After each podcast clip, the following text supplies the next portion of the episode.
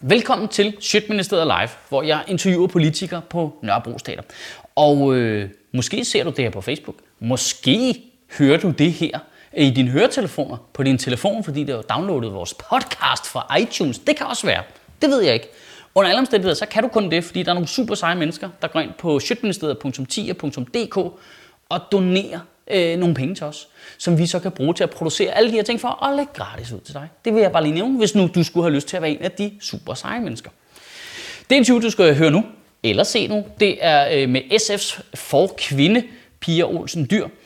Og øh, jeg er måske lidt tavlig, nu siger jeg det bare lige. Øh, hvad er SF? Hvad, hvad skal vi med dem? Hvad går det ud på? Vi har enhedslisten, vi har Socialdemokratiet. Er det ikke bare fyld og om det lykkes Pia Olsen Dyr at svare på det, det må du selv vurdere, men jeg synes faktisk, hun slipper øh, okay afsted med det, må jeg sige. Men du kan se det her. Velkommen til. Tak. Og tak fordi du vil komme. Ja, Okay. tak fordi jeg må komme. Jamen, det var bare, fordi jeg stod stadigvæk og tænkte på den der elefant, Marie Krav. og tænkte, at det skulle blive lige sådan. Jamen, det er, jo sådan, det er jo faktisk en ting, jeg har, som øh, jeg nogle gange tænker, det kunne klæde en politiker at have. Det er det der med at anerkende sine fejl. Øh, så kan man så sige, at jeg dyrker dem nogle gange, så jeg vender dem, så det bliver til min fordel. Men det kunne man måske som politiker også nogle gange tænke. Altså, I ligesom kunne sige, ja, for helvede, det var noget lort.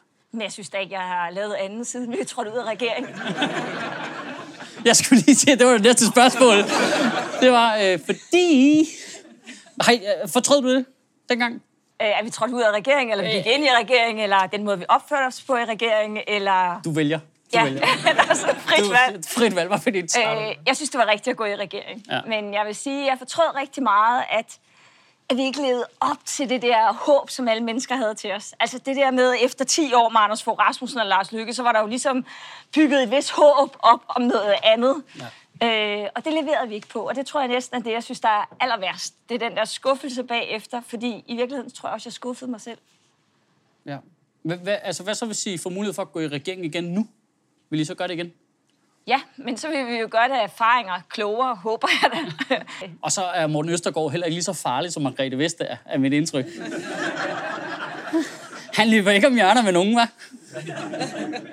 Altså, øh, jeg vil sige, at jeg kommer ikke til at gøre den samme fejl, som dengang vi trådte ind i regeringen med at lave en blå økonomisk politik. Det gør SF aldrig igen. Altså, det bliver en rød økonomisk politik, hvis vi skal træde ind i regeringen.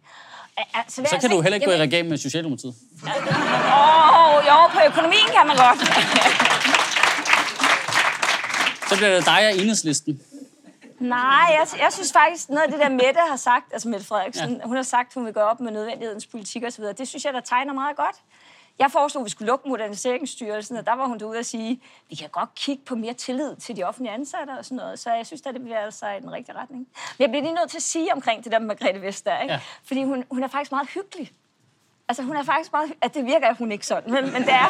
Hun er meget hyggelig. Hun, øh, hun, øh, hun strikker, for eksempel. Altså, da vi sad i økonomiudvalget, når vi sad i økonomiudvalget og skulle sådan lave store forhandlinger, så kom hun med sådan nogle små juleting, som hun satte op i struensesværelset. Så sad der sådan små julehjerter rundt omkring og sådan noget. Og samtidig, var, og samtidig lige skriv lige under på det her også. Øh, det jeg selv hæklet den her, hvor du sælger alle dine principper. Ah, jeg vil sige, at hun har gjort en god ting for mig. Jeg kom faktisk ned på at løbe en kilometer på fem minutter. Fordi at jeg blev simpelthen så rasende på hende. Så da jeg kom hjem, så var min løbetid meget bedre. Så noget godt kom der ud af det. Men okay, nu... Øh, Det er pjat, Ja. men det er rigtigt. ja, ja, Altså løbetiden var rigtig. Det er den ikke mere. Den er meget højere. Det kan være, jeg skal finde nogle... Det kan være, Morten han skulle udvikle sig. folk ved godt, at vi snakker om Morten Østergaard nu, ikke? Okay. øhm, jeg, jeg skrev til dig i, i en mail, øh, da vi snakker om at lave det her interview, at jeg ville starte med det lidt øh, flabede spørgsmål. Hvad, hvad, hvad skal vi med SF? Hvad skal vi med SF? Altså, hvis vi har Socialdemokratiet, og vi har Enhedslisten, hvad, hvad laver I? Så er der da så meget plads. Kan du ikke se det? Øh, det er du nok nødt til at forklare, tror jeg. Jamen altså, hvis jeg vil sige, jeg synes jo, at vi er et venstrefløjsparti. Vi er sådan set optaget af grøn omstilling og social retfærdighed. Øh, og er også meget idealistiske. Der adskiller vi os på nogle punkter, i hvert fald for Socialdemokraterne. Men vi er også villige til at søge indflydelse nogle gange. Og jeg vil sige, også når det bliver besværligt, og enhedslisten går jo aldrig ind i forhandlinger. Altså, jeg tror, hver gang de kommer ind i forhandlingslokalet, en gang, da vi skulle forhandle gymnasiereformforhandlinger, det skulle spørge mig, Jacob Mark om, for det er faktisk rigtig sjovt. Eller, men, men i hvert fald, så, så siger, så siger øh, de kommer ind i forhandlingslokalet, og så siger Karoline et eller andet for Alternativet, jeg kan ikke huske hendes efternavn, hun siger, øh, jeg forlader forhandlingerne, vi kommer aldrig ud af det her med noget fornuftigt. Og så går hun ud af lokalet, og de ikke engang starter forhandlingerne. Og så siger Jacob Sølhøj fra enhedslisten, damn, det plejer sgu da at være min rolle.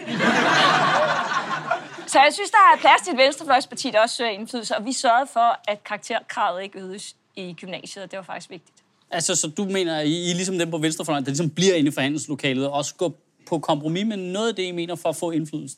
Ja, men selvfølgelig ikke på alt. Altså, der er også røde linjer for os, men det der med at sidde og sige, okay, gymnasiereformen er ikke, som vi vil ønske, hvis vi skulle udtænke den. Men der var, det var vigtigt for os, at der ikke kom det der uddannelsesnopperi, hvor uddannelseskravet til gymnasiet skulle være højere end for eksempel til erhvervsuddannelser. Ja. Og jeg vil sige, undervejs i de der forhandlinger var det altså meget, meget svært at sørge for, at det kun blev et total, men det lykkedes. Og det var, fordi SF var der. Altså, fordi I ville gerne have, at så mange som muligt skulle kunne komme i gymnasiet? Jamen, at det ikke skulle være sådan, at på erhvervsuddannelser skulle kræve, at vi to mens på gymnasiet skulle de pludselig skrive fire eller syv, og ja, vise, ja. det var finere, fordi erhvervsuddannelserne er vigtige. Og de er fine, og det er vigtigt at være faglært. Det er altså ikke kun vigtigt at blive akademiker i det her land. No, og det no. var det signal, vi gerne ville sende, at de skulle ligestilles. Okay. Ja. Og, det, og det ville enhedslisten ikke være med til? Jo, men de ville bare, der var mange ting, hvor de sådan ligesom, for eksempel, deres problem var, ved jeg, en af tingene, det var, at man, i stedet for at man har rigtig mange retninger i gymnasiet lige nu, ja. øh, det er jo nærmest en jungle, at finde ud af, hvor mange A og B, C kombinationer man kan få, så havde regeringen foreslået, at det skulle ned til meget få kombinationer. Og det var en af de ting, enhedslisten sagde, om det kan vi ikke være med til. Øh, og, øh, og derfor gik de ud af lokalet. Vi blev så og kæmpede både for karakterkravet og retningerne osv. Øh, og det gør jo at nogle gange, at man går lidt på kompromis. Ja. Altså, men jeg synes, egentlig, jeg synes, enhedslisten er meget ærlig. De siger jo, at de vil ikke gå med til noget, øh, hvis de også skal acceptere noget dårligt. Altså, de vil kun have det gode, de vil ikke have nogen dårlige ting, og det er fair nok. Det er sådan den rene vare. Ja, ja, ja. Det, det er ren idealisme. Ja, og så er vi lige ind imellem. Øh, og hvad så der er meget hvis, plads mellem Socialdemokratiet og Ja, fordi hvad er Socialdemokratiet så? Hvis enhedslisten er ren idealisme, I ligger midt imellem, hvad er Socialdemokratiet så? De er en lille smule mere pragmatiske. Det var stille og roligt en øh, friløber af et svar, det der. De er li- en lille smule mere pragmatiske. Nej, men jeg synes da også, de er villige til at give op på nogle rigtig vigtige ting. Altså, for eksempel øh, synes jeg jo også, det var vigtigt at være med i politiforlidet. Jeg ville rigtig gerne have været med. Jeg har sådan ligesom stået derovre og nærmest havde lyst til at kysse Claus Hjort for at komme med. Ah, så, så vil man gerne være med. Ja, så vil man virkelig gerne være med. Men så krævede han jo, at vi accepterede besparelser på 2% om året på alle ungdomsuddannelser. Og det kunne vi ikke være med til overhovedet. Det kunne vi ikke leve med. Der var ligesom grænsen. Ja. Øh, hvor, hvor Socialdemokraterne sagde, det tager vi med, fordi det er så vigtigt for os at være med i politiforlidet. Så, så de er villige til at gå lidt længere, end vi er. Øh, der er simpelthen nogle... Vi er, vi er nok mere, lidt mere stålfaste i forhold til nogle ting, som vi synes skal forandres i det her samfund, som vi ikke går på kompromis med. For eksempel uddannelsesområdet. Okay. Og så har vi, nu har vi så, det er så enhedslisten, så vi, og så Socialdemokratiet så placeret jer. Og så kommer jeg, det må næsten være irriterende for alle jer andre øh, venstreorienterede så kommer enhedslisten der øh, nej, undskyld, så kommer Alternativet no, rendende ja. lige pludselig der, og synes det samme som jer, men er bare super hippe og nørrebro og se, jeg har også lagt noget på Facebook og sådan noget. Ja. Er, er det helt seriøst, er det ikke lidt irriterende? Nej. jo. Og hvis jeg skal være helt ærlig, jo, så er det da lidt. Hvor, hvor ligger de hen i forhold til jer så?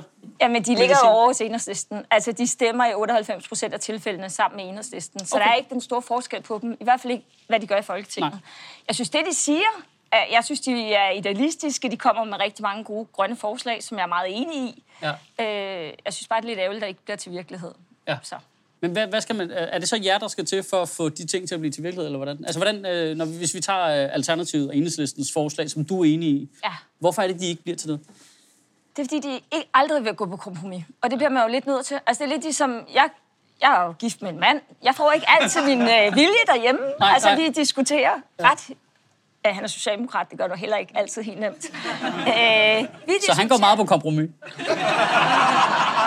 Nej. Jeg tror sgu, han er sådan Henrik Sass Larsen, socialdemokrat. Han går ikke på kompromis. Nej. Øh. Nej, det var svært. Øh. øh, men jeg vil sige, sådan er det jo. Altså, det, SF har syv mandater i Folketinget. Ja.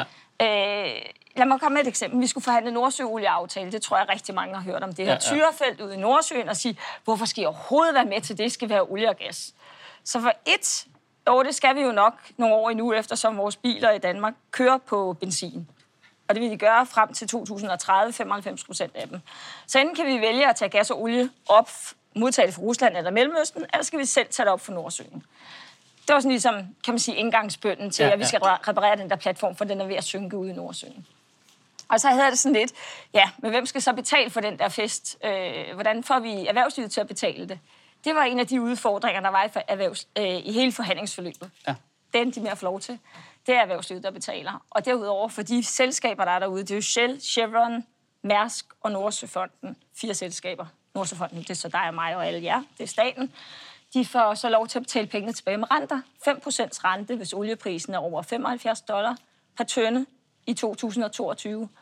Og 85, øh, hvis den er over 85 dollar, så skal de betale tilbage med 10 procent. Det er jo sådan set ret okay. De låner pengene undervejs, når de skal ombygge feltet. Men, men jeg tænkte sådan lidt undervejs, ej, er det ikke bare nemmere at lade være?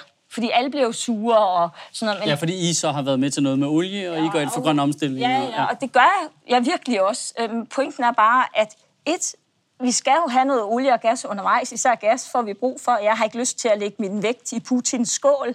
synes, han er sådan en lille smule ubehagelig, den unge mand derovre.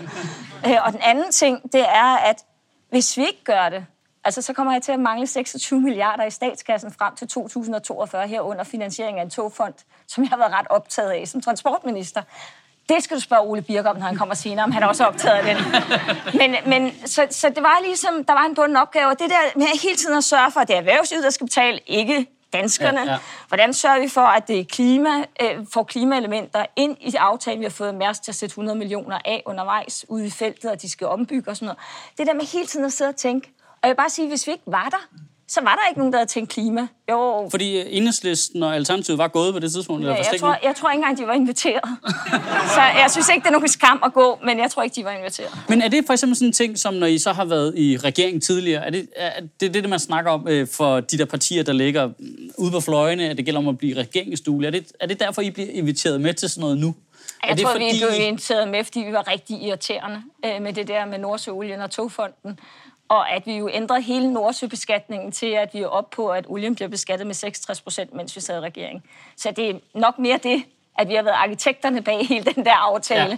Så jeg tror egentlig godt, Christian Jensen ville ignorere os, men det fik han ikke lov til. Okay. Ja. Ja. Men det er bare øh, det er interessant at få placeret jer sådan, fordi jeg tror, det er svært for os, når vi sidder og ser det udefra, Ja. at se forskellen, fordi vi, vi ser jeres soundbites i nyhederne, og så er der dem, der siger, at jeg holder fast i min ideologiske fan, og så er der dem, der siger, jeg har slet ikke nogen, og så er jeg bare løber over til Inger Støjberg, og så er det bare, øh, det, det, det, er bare interessant at få det placeret, ligesom, hvor, øh, Ja. hvor I er henne. Øh, altså, mit indtryk er jo, at efter den der, hvor I gik ud af regeringen, så var SF i en... Der, der var noget tumult, skal vi Ja. sige det? Øh, Jeg bruger faktisk ordet krise. du siger men, øh, krise. ja. Okay. Ah, Det er bare så fortærsket på en eller anden måde, ikke? Altså, vi lå på, om hej, kan jeg bedre lide. ja, Der var noget hul om hej. vi lå på 2,4 procent i meningsmålingerne. Det synes jeg er lidt krisetegn. Ja. Altså, så længe spærgrænsen er 2 procent i Danmark, så, Ja. så er det sådan lidt krise. Men nu virker det også, som om I har en retning. Ja. Øh, hvad, hvad er den retning? Siger jeg så. altså, det virker bare som om, nu virker det i hvert fald som om, I løber i samme retning alle sammen, og du har været formand et stykke tid. Men hvad, hvad, er, altså, hvad er målet? Altså, hvad, hvad, hvad, hvad skal vi med dig? Jamen, jeg ved godt, det føles så øh, di- Jeg synes, det direkte. kommer meget tæt på. Ja, det føles, så- jeg ved godt, det føles så der, men hvad, hvad er det? Hvorfor skal man stemme på dig? Ja, man skal jo stemme på SF, fordi man gerne vil en grøn omstilling af Danmark, og man samtidig også gerne vil have, at den skal være socialt retfærdig. Altså, Men det- øh, det er og alle grund til, nej, det? grund til, at jeg siger det på den her kombination, ikke, det er jo sådan lidt, hvis man bare er grøn, uden og sådan ligesom også mener, at det skal være socialt retfærdigt, så er det sådan noget pyntegrønt, så er det sådan noget hattedamegrønt. Øh, fordi ellers er det jo, øh, at det er så kan man købe sig til for eksempel at få lov til at forurene, mens dem, der så er i samfundets svageste, de får lov til at betale. Så derfor er det nødt til at være både rødt og grønt, og det er det, vi er. Øh, jeg tror, vi har en, altså, jeg tror, de fleste mennesker kender SF så meget socialt indigneret, og det er vi også. Ja. Øh, og der, derfor er vi vigtige. derfor er vi vigtige. Ja, Jeg bad, det, det, var en politisk, øh, øh, det var en politisk øh, datingannonce, jeg lige bad dig om at skrive det lidt Ja. på meget kort tid. Øhm, jeg, Vil jeg, du så date mig nu? Jamen, det kan vi jo finde ud af, når det er slut, jo. Øh, jeg er jo til ældre damer.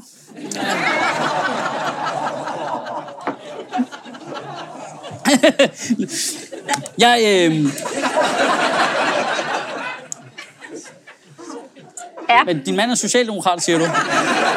Så han er villig til at gå på kompromis. Ah, nok ikke så meget. Øhm, Hvor gammel tror du egentlig, jeg er? det ved jeg ikke, vi er sikkert jævnaldrende i virkeligheden, jo. Det er det, der er så frygteligt. Prøver du at redde den nu? Ja. Ja. Jeg tror, det er, fordi folk tror, at jeg er yngre, end jeg er i virkeligheden. ja. Fordi jeg er 25. Det går ikke længere, mand. Det kunne jeg godt have slået ved sted med for et stykke tid siden, det der. Ja, ja. Nå, øh, men øh, væk fra datingannonce tilbage på sporet. Ja. Øhm, fordi, kan du se, hvad der står der? Nej, jeg kan ikke læse din håndskrift. det kan jeg heller ikke. øh, men øh, det er fordi, normalt så plejer jeg at gøre det, øh, når jeg skal snakke med nogen, så går jeg lige ind og tjekker, hvad, hvad, hvad har I liggende øverst på jeres, øh, på jeres websites? Og så kunne du ikke finde hjemmesiden, eller hvad? Jo, jo, jo, det kunne jeg sagtens. Nej, nej, jeg, jeg, jeg, skulle, til- jeg skulle til at rose dig, fordi. Ja. normalt det, der står derinde hos stort set alle de andre partier, det er seriøst bare guld og grønne skove til alle, high fives for en femmer, sådan noget. Altså, det er fuldstændig random shit, der står, ikke? De, altså normalt. Men I havde faktisk konkrete forslag stående. Det tror jeg nærmest ikke, jeg har set på noget politisk partis øh, hjemmeside. Altså stod helt konkret, vi synes, der skal være det her.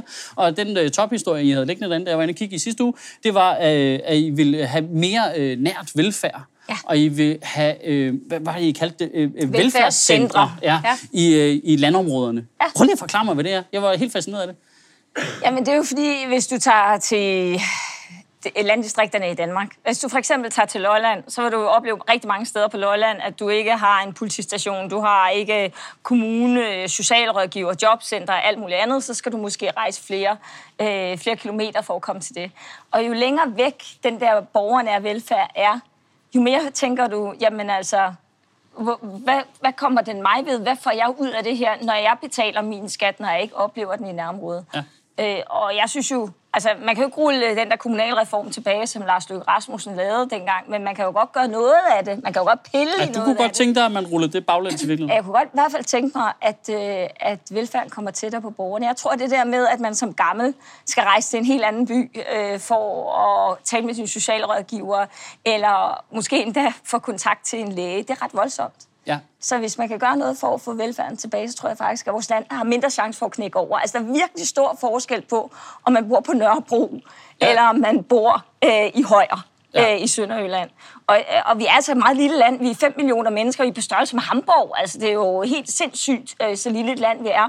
Og at der så alligevel kan være så, mange af, så stor afstand og så stor forskel. Og det vil jeg gerne gøre noget ved. Jeg vil godt tage det ret alvorligt, fordi jeg kan ellers være ret bekymret for, at Danmark knækker over. Så du efter valget, du, så er du ikke afbrød, så jeg kan jo bare blive med at snakke. Ah, men det kan jeg også godt se komme på forhånd. Ej, men øh, så du efter valget, der var sådan en, øh, et interview med en pige på Nørrebro om, hvordan hun synes, de havde stemt. Øh, Nej, det tror jeg ikke. nej, og de spurgte sådan, hvordan synes du, de havde stemt nede i Sønderjylland? Og der havde de jo så stemt gult, altså det var hovedsageligt stemt på Dansk Folkeparti. Og så sagde han, de er jo sindssyge, jeg gider ikke engang være i samme land med dem. Og så interviewede så nogen nede i Sønderjylland og sagde, at de der storbysborgere, de har jo slet ikke fattet noget som helst af vores problemer. Og det er jo meget alvorligt i så lille et land, at vi ikke engang kan forstå og genkende hinandens problemer. Det bliver vi nødt til at gøre noget ved.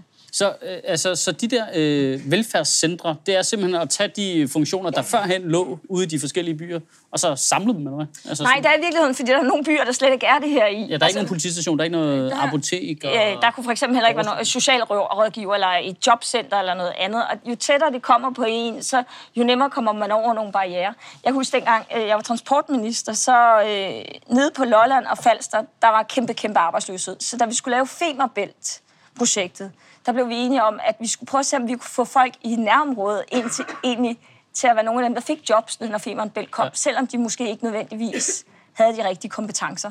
Så vi prøvede sådan at indrette en masse elementer i kontrakterne, så folk gik ud og for eksempel... Så det var folk uden de rigtige kompetencer, der byggede nej, broer? men, men nej. der er ingen bro, det, det, det er en øh, tunnel. tunnel. Ja. Men, øh, nej, men det var, hvor man gik ud og bankede på hos langtidsledige, som så fik job hos nogle af entreprenørerne. Entreprenørerne ja. Havde jo mange ansatte. Ja. Men når man har en virksomhed måske med 100 ansatte, kan det godt være, at du kan tage en, der er arbejdsløs, og lære dem op undervejs. En af dem mødte jeg. Han har været på kontanthjælp i, tror, 20 år. Og så lige pludselig har han fået det der job, og i starten han kunne ikke engang stå op om morgenen. Ikke? at de tog hjem og ringede på på hans dør og sagde, nu skal du stoppe, du skal huske at pakke en madpakke osv. Det virker jo helt omsonst for os, der går på arbejde hver eneste dag.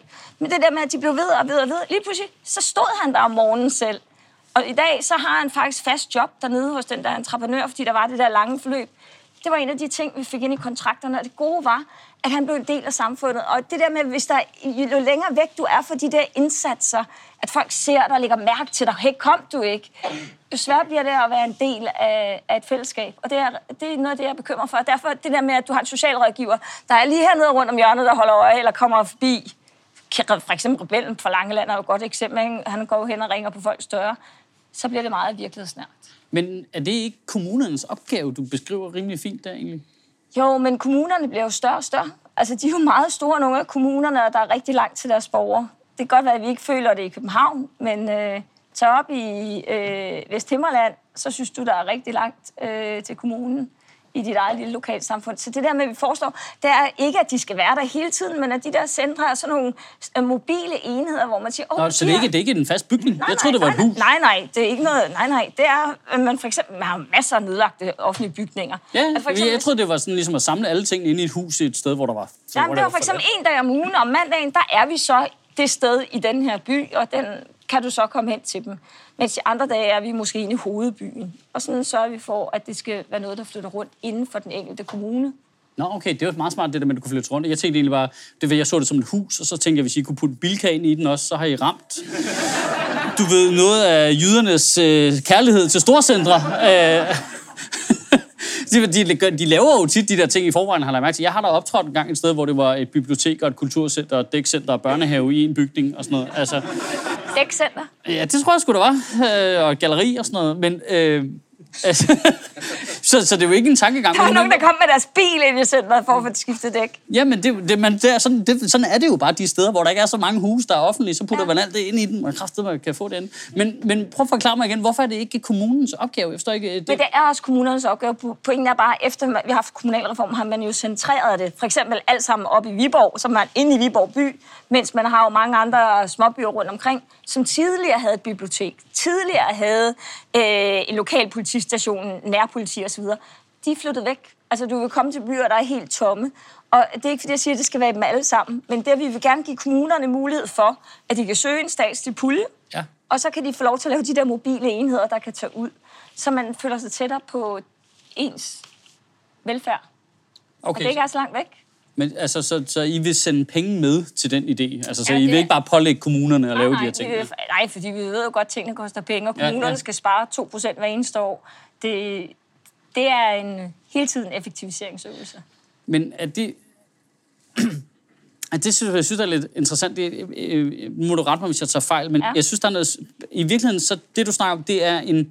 Jeg, jeg forbinder øh, socialisme og, øh, og at decentralisere tingene som modsætninger.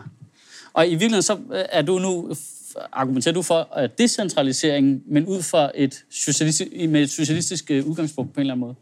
Men det er jo netop der, hvor SF er. Altså, det, det er meget godt, fordi hvis vi skal være sådan ideologisk om, hvor SF er, nu snakker jeg meget konkret politik før, så er både Socialdemokraterne og Enhedslisten, altså de tidligere kommunister, jo meget statsligt fokuseret. De mener, at det er staten, der skal løse problemerne, og er ligesom der, hvor modellen skal være. SF har altid været og opstod som et parti, der troede på det decentrale.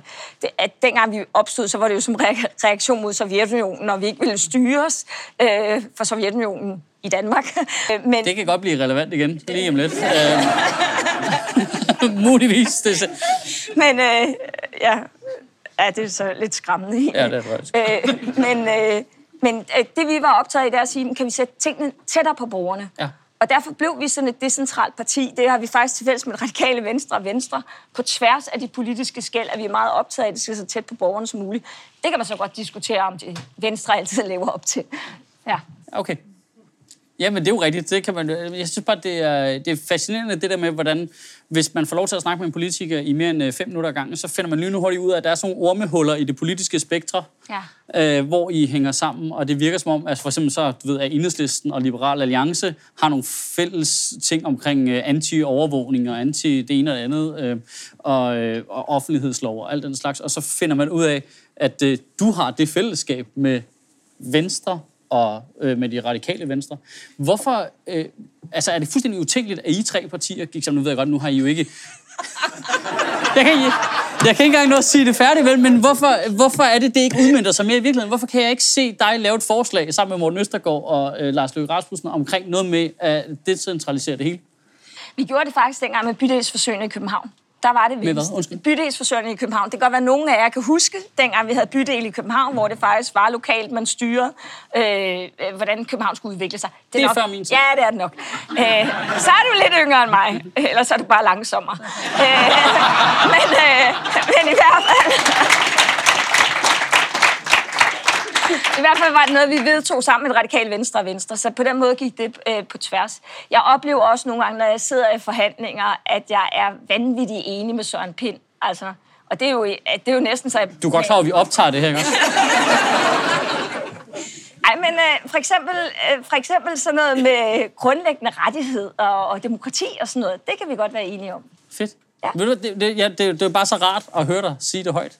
Ja, Det var en fornøjelse, du kom. det var også lidt. Tak for, at jeg må komme.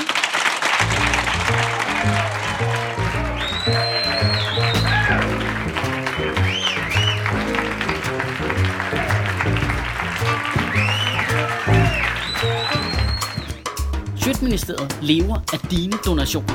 På tier.dk kan du oprette et donationsabonnement, hvor du giver lige præcis det beløb, du har lyst til. Og så kan vi lave flere interviews på Nørrebro Teater, flere taler, sende Sofie Flygt mere på gaden. Og oh, hvis ikke du gør det, så er du en big shows.